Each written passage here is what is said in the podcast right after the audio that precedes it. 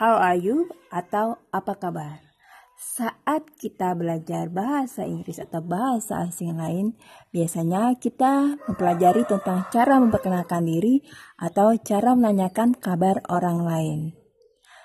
Masalahnya di dalam bahasa Indonesia, hal ini masih kurang menjadi kebiasaan dan tidak semua orang tahu tentang icebreaker atau cara mencairkan suasana saat bertemu dengan orang yang sudah tidak lama bertemu, misalnya selama setahun lebih. Alih-alih ingin mencairkan suasana, karena terlalu basa-basi, orang akhirnya menanyakan hal yang secara tidak langsung telah menyakiti hati orang yang ditanya.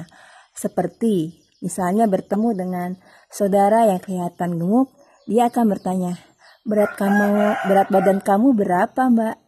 Atau saat ada ponakan yang baru pertama kali kerja yang ditanya adalah gaji kamu berapa?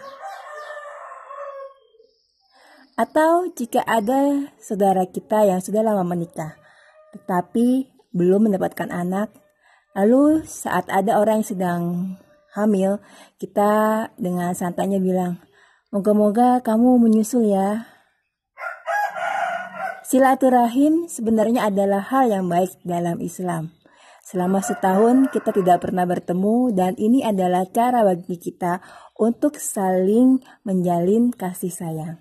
Tetapi karena kekurangan ilmu dalam komunikasi atau karena kita basa-basi, akhirnya yang keluar adalah kata-kata yang bisa menyakiti hati saudara atau saudara jauh kita.